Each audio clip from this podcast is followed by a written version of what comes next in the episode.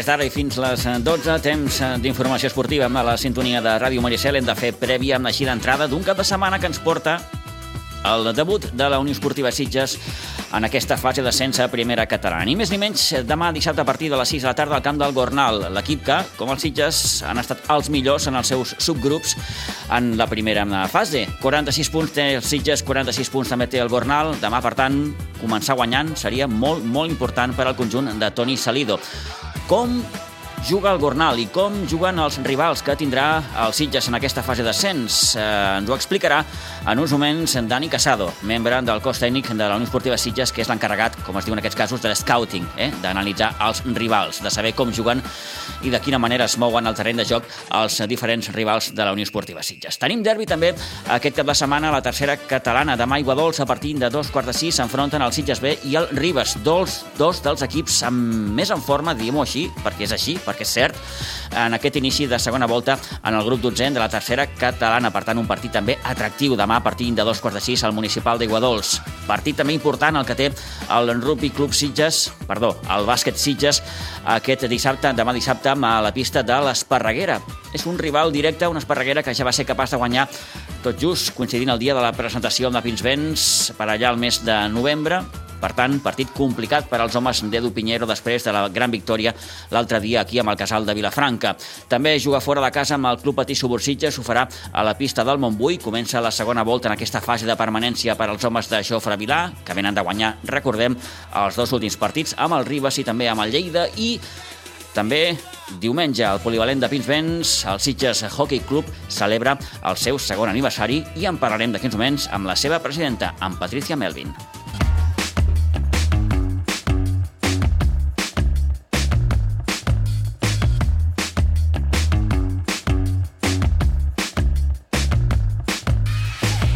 Cap de setmana que, després ho comentarem també, i organitzat pel Centre Excursionista de Sitges, es disputa aquesta nova edició de la Sitges Rock Trail, demà dissabte.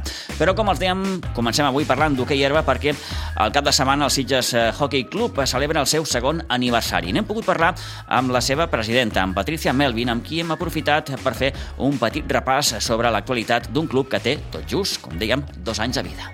Sí, la verdad que eh, estamos sorprendidos porque eh, al haber empezado de una manera muy lúdica, a, a un año vista, eh, estamos ya compitiendo en liga siete equipos los que tenemos en el club y, y con buenos resultados además. Entonces, eh, la verdad estamos creciendo rápido y asimilando eh, cómo vamos a plantearnos ya la temporada que viene.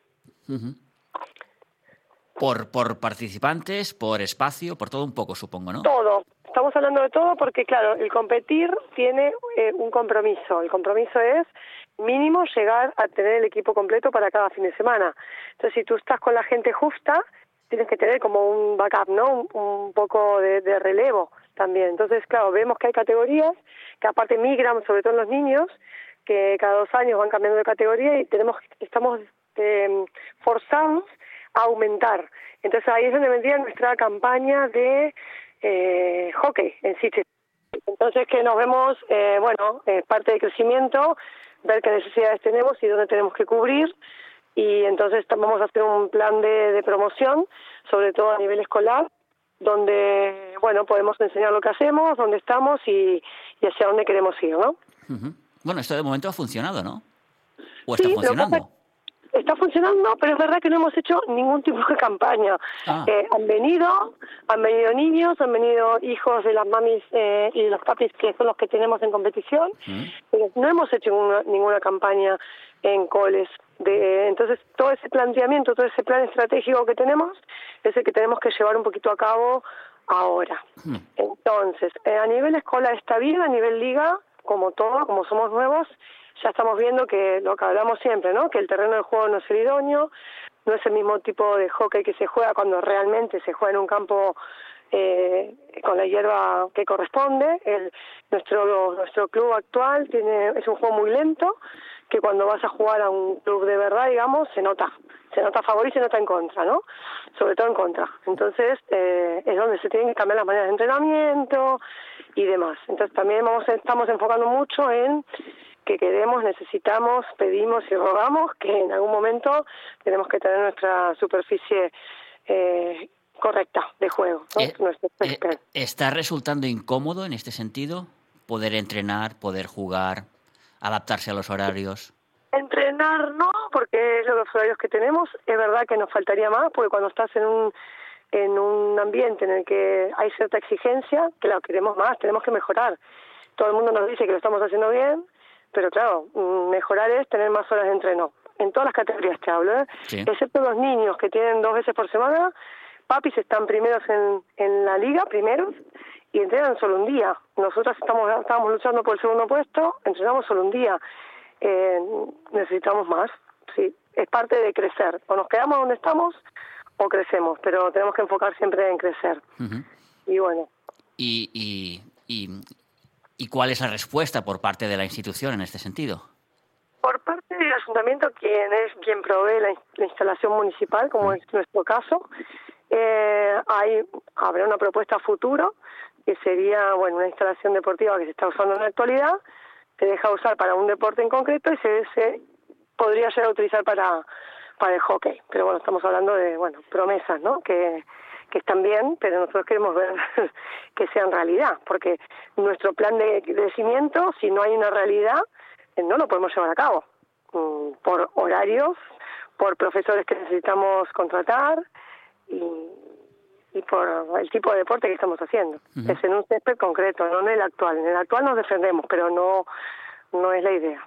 Entiendo que contentas en este sentido porque ya son dos años y porque el club ha crecido y porque, bueno, ya mm, algunos equipos incluso están compitiendo a un buen nivel, pero preocupados también por todo lo que comentas, ¿no, Patricia? Porque eh, el club puede crecer o no puede crecer mm, en este sentido.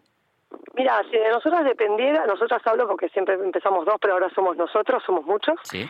Em, hay un plan de crecimiento que si bien no pudimos controlar el timing, porque esto se fue dando, ¿no? Eh, eh, con humildad lo digo, vamos aprendiendo en base a fallo y error, ¿no? Probar y tal.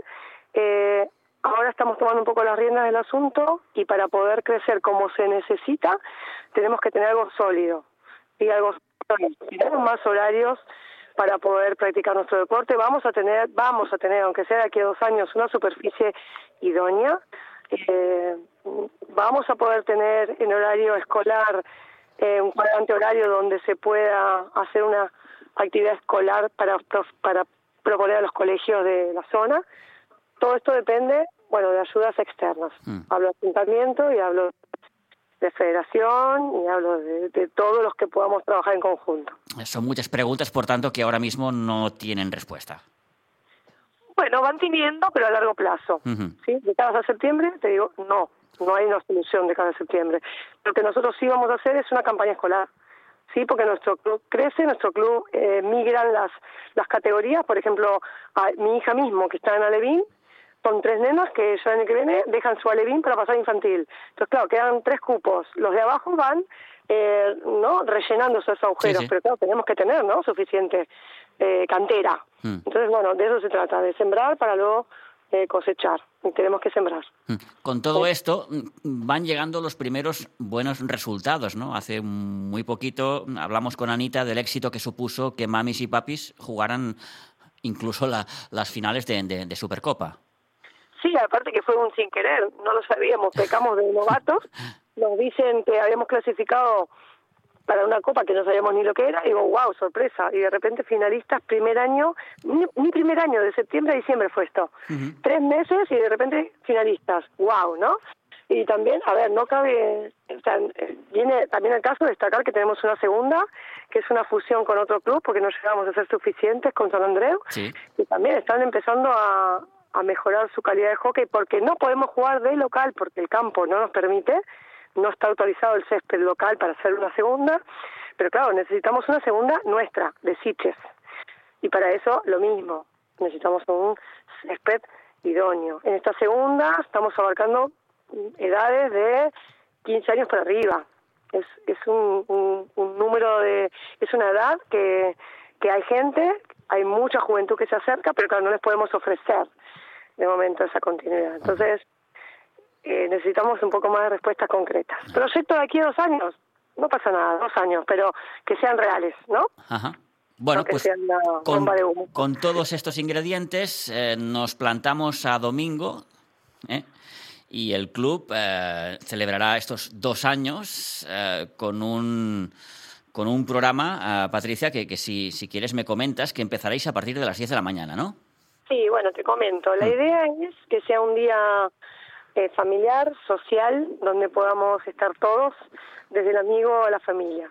Eh, eh, los partidos comienzan a las 10, hay dos partidos oficiales de liga, que si no me equivoco son infantiles y mamis, son, nos, nos tocaba fecha y las pusimos el día del aniversario. Y el resto de partidos que se disputan son de carácter amistoso para que todo el mundo pueda ver qué está haciendo su familia o, o el resto del club en todas las categorías, desde pre-benjamín, que no juegan liga, mis papis, benjamines, bueno, pre-benjamines, alevines, todo, todo el club va a jugar eh, el domingo. Ajá. Paralelamente a esto, habrá actividades para infantiles para los niños que vienen de visita, hermanos menores o hermanos que no hacen el deporte, bueno, un poco para aglutinar todo eh, en un mismo día. Esto es hasta las 2 de la tarde. Luego tenemos la presentación oficial del evento, digamos, donde, bueno, haremos un poquito de nombramiento a estos dos años paella comunitaria, o sea, paella para todo el mundo, uh -huh. en plan fiesta, luego música en vivo, juegos y más cositas, y a, y a festejar, ya más relajados todos. Uh -huh. Pues todo esto el domingo a partir de las 10 de la mañana en el Polivalent de Pinsbens para celebrar, como decíamos, este segundo aniversario del Sitges Hockey Club. Eh, N'hem pogut parlar amb la seva presidenta, amb la Patricia Melvin. Patricia, muchas gracias por atendernos. Eh. Enhorabuena de entrada por esos dos años. Esperemos que esos dos se conviertan en muchos más y en las mejores condiciones, claro. Bueno, Piti, desde ya muchas gracias a ustedes por estar siempre acompañándonos desde incluso el proyecto eh, siempre estamos como muy contentos por el apoyo recibido. Gracias, Patricia. Un abrazo. A ti, un saludo grande.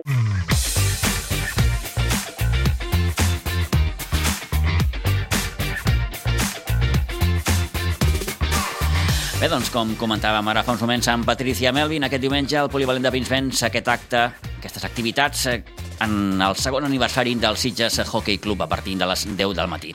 Parlem de futbol base, tenim ja al telèfon a l'Isidre Gómez que ens ha de comentar tot el gruix de partits pel que fa als equips de la Blanca. Isidre, bon dia, bona hora. Hola, molt bon dia. Tot i que hem de començar pel partit amistós que es va jugar ahir entre la Levi A de la Blanca i la Levi C del Barça. El resultat és el de menys, però bé, un, un partit bonic, bonic. Sí, el camp feia goig, els nens s'ho van passar bé, van, van córrer com a... Eh el que correran tota la temporada, però bueno, van aprendre una manera de jugar que, que, que a vegades va bé que també també saber-la, que no, no tot és el que uns portem a dintre, sinó que hem de veure futbol. Recordem que en aquest Aleví C del Barça hi juga un sitgetà, com és l'Agus Marcet, fill de l'actual president de la Blanca, l'Agus Marcet, per tant, doncs, una, una única eh, retrobada, eh, la que va tenir l'Agus i els seus companys de la Blanca en aquest partit, que teòricament havia de ser el de l'estrena de la nova gespa, però mm, ja hi va haver partit dimecres. Sí, senyor, eh? la, el que no ens van voler deixar l'Atlètic Segre jugar el dia que tocava i vam tenir que jugar aquest dimecres eh, sortosament per ells els hi va sortir bé, es van emportar un 0-3, i aviam, és un bon equip, per això la, el lloc on t'ocupa, que ara van, van líders. Sí, sí, un Atlètic Segre que, bé, venia aquí com a segon classificat, s'han col·locat ja en la primera posició, mm, s'ha de passar pàgina perquè la Blanca té partit demà contra el, contra el Marianao, per tant... Mm, sí, no, és un equip que va nostre, que intentarem pues, esgarrapar-li el màxim que sigui, si pot ser la victòria millor, i així deixar-lo una mica enrere, perquè el tenim a, a quatre punts nostres, és l'onze classificat, i seria molt interessant pues, poder-lo allunyar una miqueta més i estar nosaltres a la zona tranquil·la. Doncs demà el, el juvenil A, com dèiem, que juga amb el camp del Marianau, a Sant Boi, la resta de partits, Isidre? Doncs mira, el juvenil Vents jugarà diumenge a les 4 i mitja a Pinsbens contra la Fundació Atlètic Vilafranca B. El cadet A també demà dissabte a les 5 de la tarda a Pinsbens contra el Vilanova i la Geltrú A. El cadet B diumenge a les 12 i quart contra el Base Vilanova 2015 al Parc del Garraf. A l'infantil A diumenge a les 11.35 contra l'Atlètic Sant Just, al municipal de Sant Just. A l'infantil B diumenge a les 10 del matí contra Vilanova i la Geltrú D el Nou Pinsbens, a l'infantil C diumenge a les 12 del migdia el Nou Pinsbens contra el Sitges B, en categoria Levin, a la Levina dissabte a les 12 del migdia a Pinsbens contra el Castell de Fels D, a la Levin B dissabte a les 12 del migdia contra el Sant Boià C, el municipal Sant Joan Baptista de Sant Boi, a la Levin C el diumenge 20, a les 9 i quart al camp del Mar Barta 2020, al municipal de l'Espirall, a la Levide demà dissabte a les 10.30 contra el Mascatarro B el Nou Pinsbens i finalment la Levier diumenge a les 10.30 contra el Vilanova i la Geltrú-C al Parc del Garraf. En categoria Benjamí, el Benjamí demà dissabte a les 12 del migdia contra l'Escola Futbol Gavà i el, a Can Torelló, el Benjamí B demà dissabte a les 12 del migdia contra la penya recreativa Sant Feliu de Llobregat B a Nou Pinsbens, el centre jugarà dissabte a les 10.30 al camp dels Sobirats Unió Esportiva A, a Sant Pau d'Ordal, i finalment el D, demà dissabte a les 10.30, contra el Sant Sadurnià, el nou Pinsbens. I per començar, doncs els, els petitets estaran a la seva nova gespa, demà a les 9 del matí, i, i tot el que sigui. I, I tot el que segueixi, i ja de nou a casa, eh? com, com, com es diu en sí, aquests sí, casos. Sí, veritat. Eh, que venia molt de gust. Que dona, que dona gust estar-hi ara. Molt bé, doncs Isidre, moltes gràcies, enhorabona i bon cap de setmana. Adéu-siau. Gràcies a vosaltres, adéu-siau.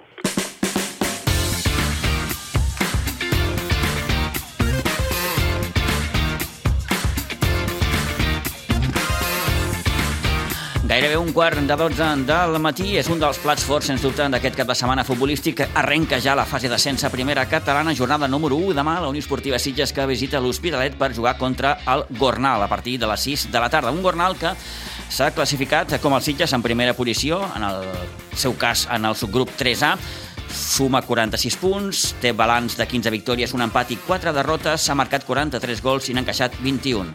Toni, bon dia, bona hora. Bon dia, bon Són dia, números Pitu. molt similars als dels Sitges. Sí, molt similars. Molt similars. Eh, Potser el Sitges és més golejador, no? Sí? Eh, eh, però lo de més eh, doncs, són molt similars. El que passa que la diferència és que eh, ells van començar, el Gornal va començar molt bé eh, i han acabat molt justets. La sensació que han anat de més a menys perquè, fixa't, la seva millor ratxa va arribar entre la quarta i la novena jornada, aconseguint fins a sis victòries consecutives. No ha finalitzat massa bé aquesta primera fase perquè en els tres últims partits van acabar amb un empat i dues derrotes. Sí, Que ser que tenien un coixí molt, molt, molt ampli. Sí, tenien un cossim molt ampli, però clar, això s'ha excusat bastant i clar, ells anaven mirant a l'altre grup, perquè aquí la clau està en els dos subgrups, no? Ells anaven mirant que ni, el, la, ni la Fundació Atlètic Vilafranca afluixava, ni el Sitges afluixava, ni tampoc afluixava el Cubelles, no? I de fet, eh, ells eh, són conscients de que ho tenen complicat, estan a dalt, per això mm, m'estranya a mi el fet de que els últims tres partits eh, doncs no va acabar, tan sols van sumar un punt, no? I això a mi doncs, eh, vol dir que l'equip va anar molt justet al final i que això lo pot notar ara en aquest inici de competició perquè juga amb el primer, amb l'equip més regular de, del subgrup B. Com és i com juga aquest Gornal? Dani Casado, membre del cos tècnic de la Unió Esportiva Sitges, que s'encarrega de fer l'escouting, ens fa una radiografia del Gornal i també, fins i tot, algunes característiques eh, d'equips com el Fenil de Fons i l'Sporting Gavà. Bueno, el Gornal és un equip de, de molta possessió de pilota, un equip que fa atac organitzat, amb molta qualitat. Eh, té els 11 jugadors, són jugadors físicament molt, molt potents.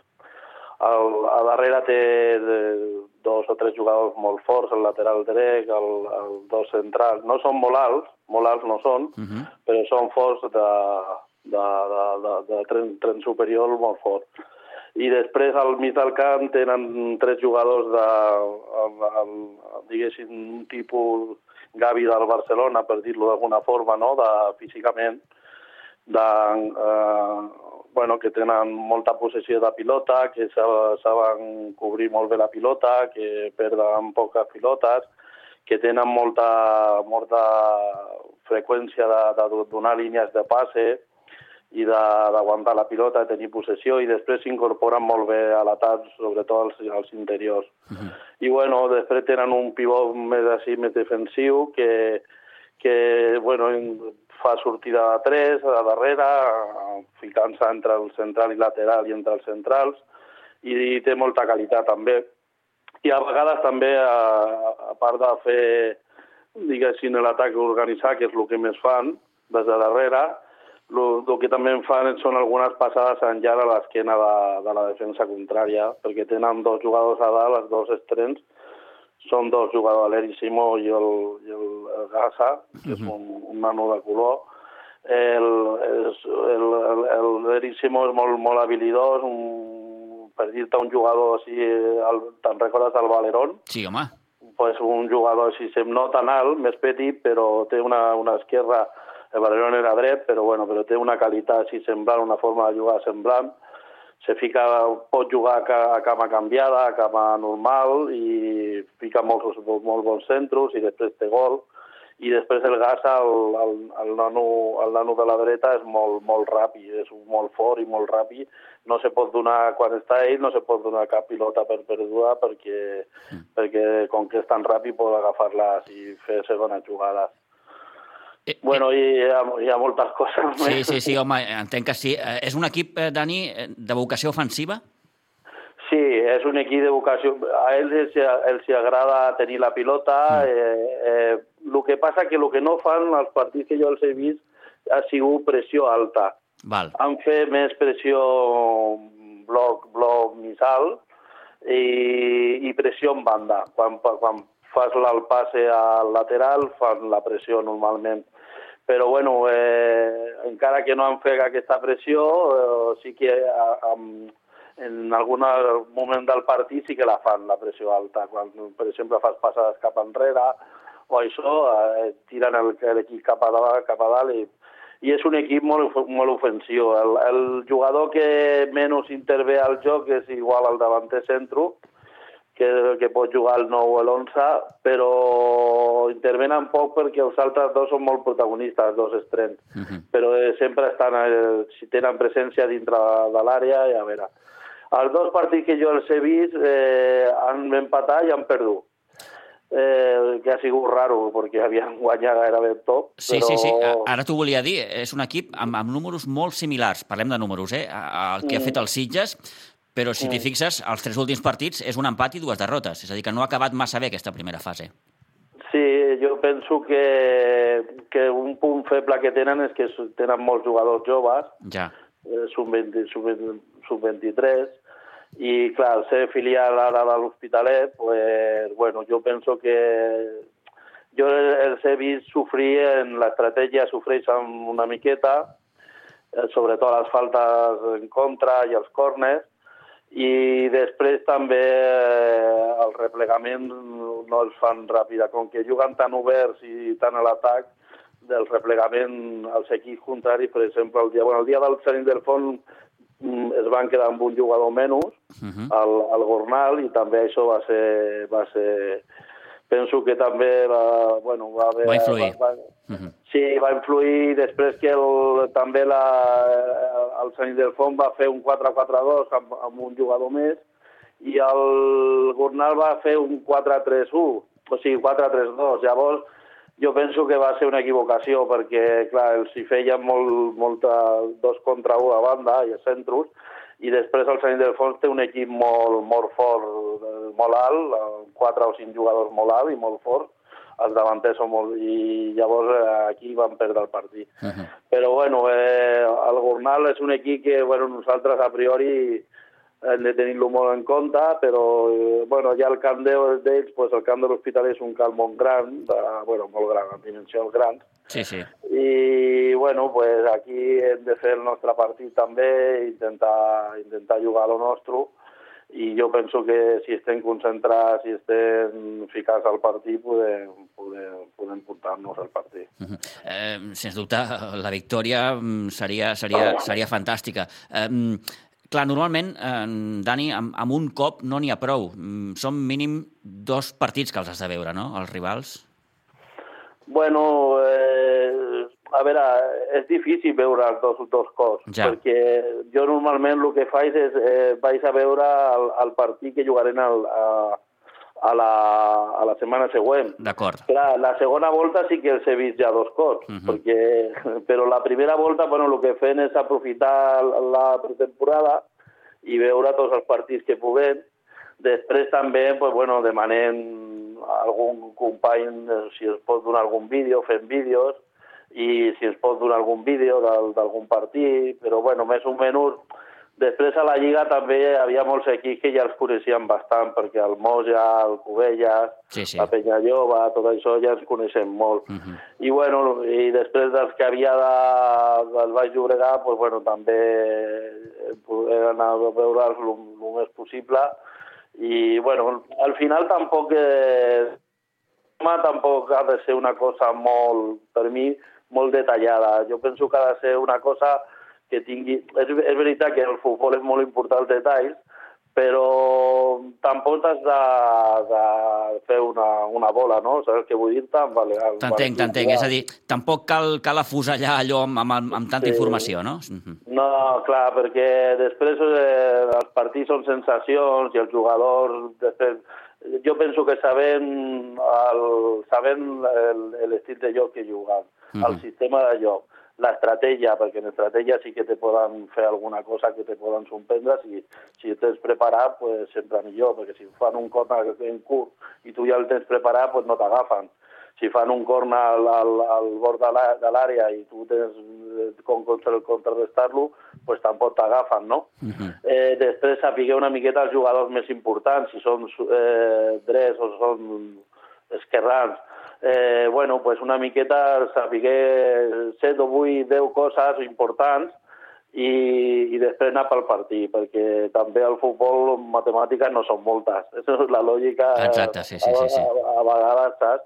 Però bueno, nosaltres fem diversos vídeos, eh, perquè clar, al cos tècnic som bastant gent, llavors eh, perquè, perquè ho puguem veure el Toni i el, i el Sergio, ho miren i també pues, ho anem parlant durant la setmana, perquè jo estic a, a, a alguns estrenos també, uh -huh. i entonces ho anem parlant i, bueno, mira, pues això, tal o l'altre, i ho, ho preparem. Sí que és veritat que si tu ja tens l'informe, nosaltres el dilluns al matí ja tenim l'informe, i a vegades abans, a vegades si juguen el dissabte, jo el diumenge, si el Toni no demana, ja, ja li dono. Uh -huh. I, I, bueno, i després un petit àudio, el, després just del partit també, perquè ja vagi, les, les, els cars ja vagin rumiant una miqueta després del partit nostre, saps?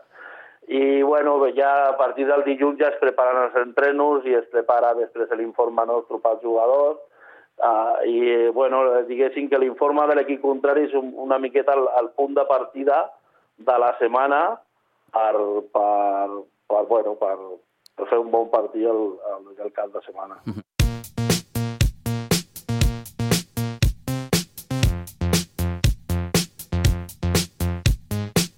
Doncs els detalls d'aquest anàlisi al rival ens els detallava en Dani Casado, membre del cos tècnic dels Sitges, l'encarregat, com dèiem, de fer l'escouting, també ens recordava que el Fenil de Fons és probablement un equip més físic, amb, amb, més, amb, més, amb més, més alçada, i dels tres, l'Sporting Gavà potser el més fluixet entre cometes. Però bé, mm, és bo saber, Toni, una miqueta de quin peu calcen cadascun dels rivals. Sí, sí. És Equips molt... com el Covelles, sí, la Fundació i la Vilafranca ja els coneixem més.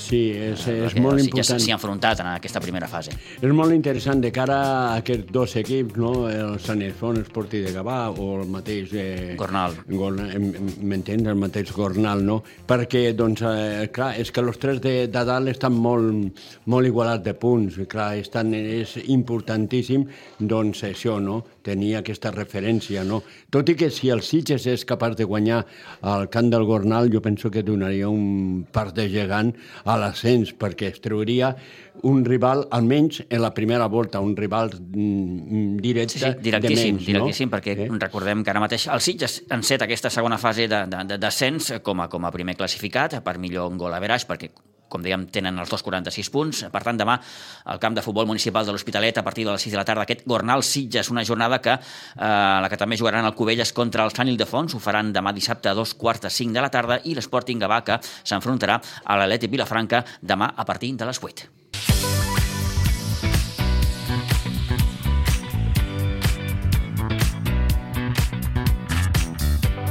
11 i 27. Demà, per cert, tenim derbi a Iguadols a dos quarts de sis de la tarda. Sitges Bé i Ribes es veuran les cares en el partit de les bones dinàmiques, diguem-ho així, ja que estem parlant dels dos equips amb, amb millors números en aquest inici de segona volta.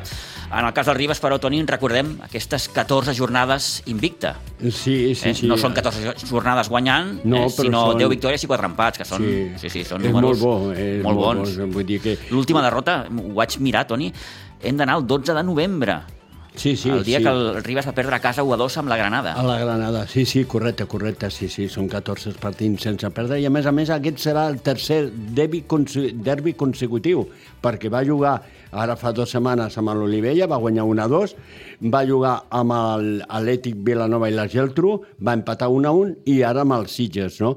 Eh, a favor del Sitges sí que es té que dir que el Sitges a casa doncs, tan sol ha perdut un partit i ha estat davant del Sant Perro de Villa. El Ribas és un equip molt defensiu, és un equip eh, que aguanta molt bé el mig del camp i té a davant un parell de jugadors que poden fer molt de mal, no? Eh, el Sitges ja sabem com juga, és un, un equip doncs, que pressiona la sortida de la pilota, fa una pressió molt amunt, eh? Uh -huh. eh aficiant i que no dona mai el partit per perdut. Jugant un mal partit que va jugar l'altre dia a Badia del Valle va acabar guanyant, eh, doncs tu imagina a casa. L'entrenador del Sitges B, Àlex Sevilla Gordo, que recorda precisament doncs, això, que demà s'enfronten els dos equips amb millors registres en el que portem de segona volta. Un dels rivals que està més en forma, eh, juntament amb nosaltres, som els equips que, que més hem puntuat aquesta, aquesta segona volta. I bé, jo espero que, que sigui un partit com el que, com el que va ser l'anada, com el que es preveu que serà, que és un partit molt maco, molt intens, amb molt de ritme, amb molta qualitat, amb moltes emocions i, i bé, espero que aquest, aquest cop ho puguem guanyar, ens en, ens en portem els tres punts.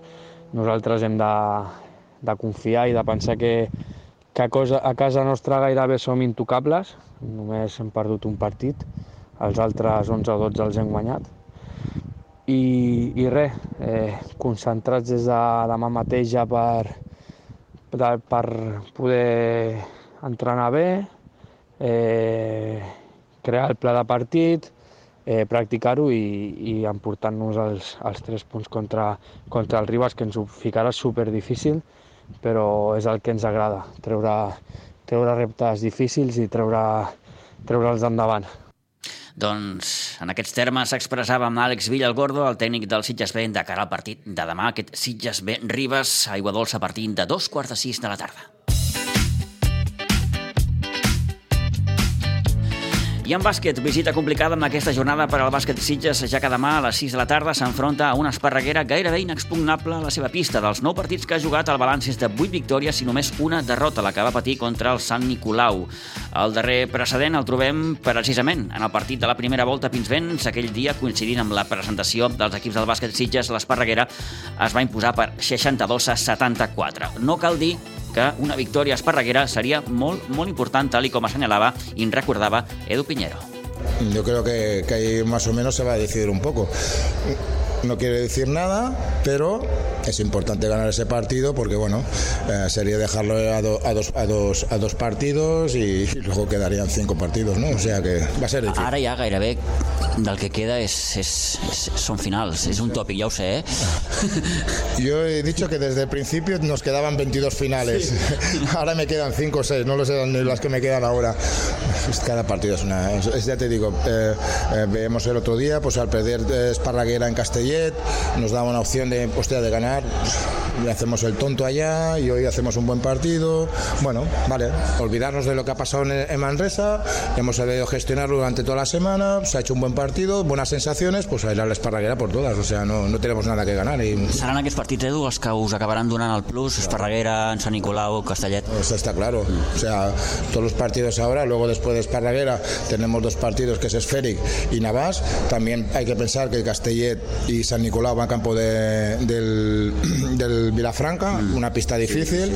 Bueno, vamos a ver. O sea, ya te digo que todos quieren ganar, ¿eh? O sea, que, que, va, a ser, va a ser difícil y bueno, lo que ocurra con ellos me da igual. Nosotros lo que tenemos que ir a la Esparraguera por todas, a salir concentrados desde el principio y va a ser una olla presión porque sé lo que es ese, ese pabellón y bueno, y a jugarle de tú a tú.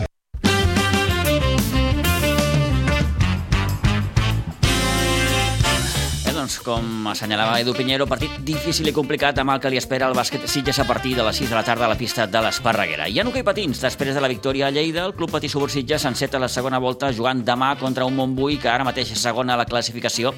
El conjunt igualadí ja es va imposar, recordem, 3-4 a Pinsbens i serà, sens dubte, una nova prova per a un Club Patí Subur Sitges que veu ara mateix doncs, opcions reals i veritables de poder-se salvar. El partit es jugarà, per cert, a les 6 de la tarda al poliesportiu Camp Passanals de Santa Margarida de Montbui. I acabem recordant que demà, demà dissabte, i organitzat pel Centre Excursionista de Sitges, arriba una nova edició de la Sitges Rock Trail, una setena edició que tindrà, com sempre, el doble recorregut, l'Speed Rock de 12 quilòmetres i 12 quilòmetres i mig eh? i la Rock Trail de 25 quilòmetres. Recordem que la sortida serà eh, demà a partir de les 9 del matí des de l'esplanada de l'Espai Jove. Ara mateix 11 i 33, res, petita pausa i la tertúlia.